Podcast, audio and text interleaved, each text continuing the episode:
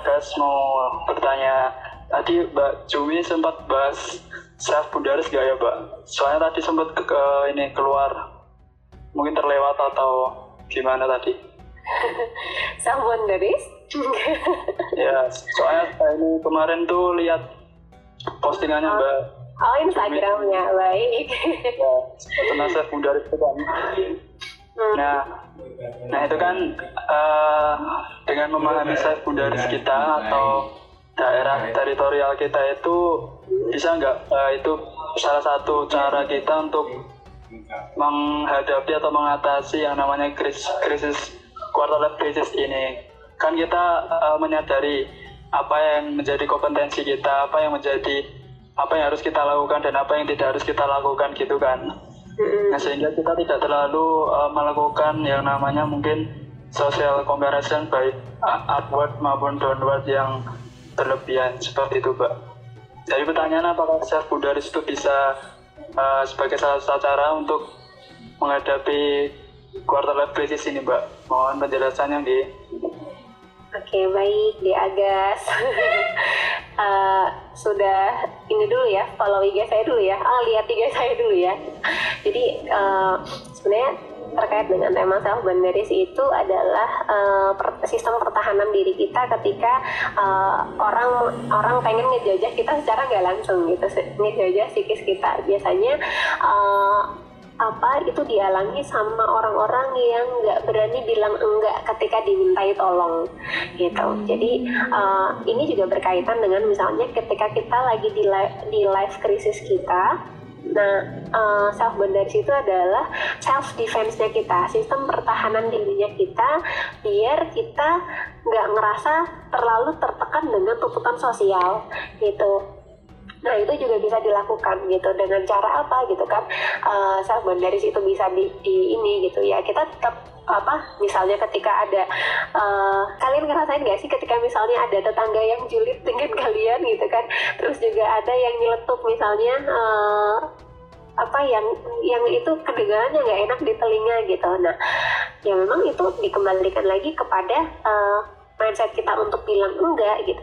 Jadi jadi jangan mau sampai jiwa kita terjajah sama lingkungan sosial gitu kan. Uh, tapi uh, kita tetap mempertahankan kesejahteraan kita gitu kan, biar biar mental kita juga sehat gitu.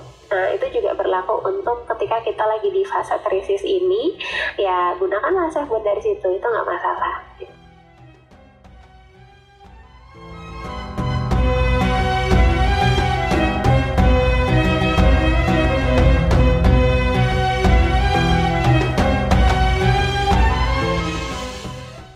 Bagaimana pandangan teman-teman psikolog Islam terhadap GLC menyikapi tentang hubungan orang yang punya masalah di seperempat hidup selalu dikaitkan dengan kurang iman?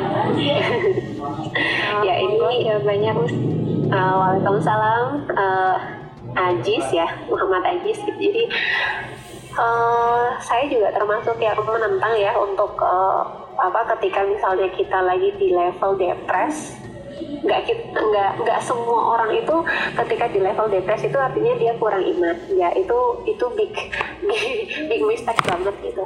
Jadi kita persepsinya karena memang uh, orang depresi itu biasanya karena tekanan sosial ya gitu. Memang betul gitu.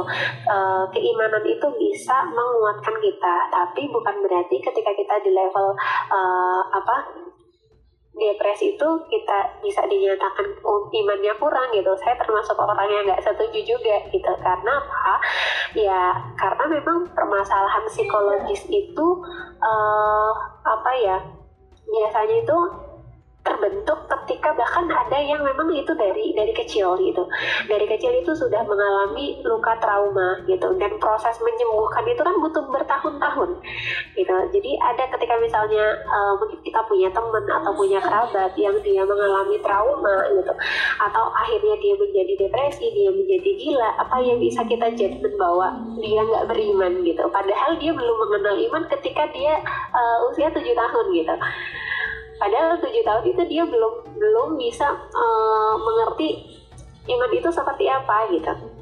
Nah, jadi kalau itu nggak bisa dikaitkan langsung secara langsung ya, meskipun keimanan itu sangat bisa menjadi healing uh, percaya beriman kepada Allah terus juga percaya kepada Allah misalnya itu sangat bisa menjadi healing buat kita uh, jiwa kita kuat gitu. Tapi nggak uh, berarti juga ketika uh, kita lagi ngedown itu imannya uh, uh, kita nggak beriman sama Allah gitu kurang iman. Bahkan ya motivasi hidup itu kan banyak jenisnya ya gitu. Nggak hanya sekedar terkait dengan keimanan gitu meskipun keimanan itu sangat membantu kita gitu dan mayoritas bahkan ya teman-teman dari psikolog tuh nggak ada yang langsung bisa ngejas uh, bahkan termasuk juga psikolog-psikolog muslim yang memang ini nggak bisa langsung ngejas bahwa itu kurang iman ya. jadi nggak nggak terlalu sepakat dengan kesimpulan itu itu biasanya mental dari orang-orang awam yang memang uh, apa ya dia belum memahami konsep psikologinya manusia biasanya begitu. Sehingga dia langsung bisa menembak dengan statement yang uh, cukup menyakitkan untuk teman-teman yang mungkin mengalami mental illness. Gitu ya uh, Mas Muhammad Ajis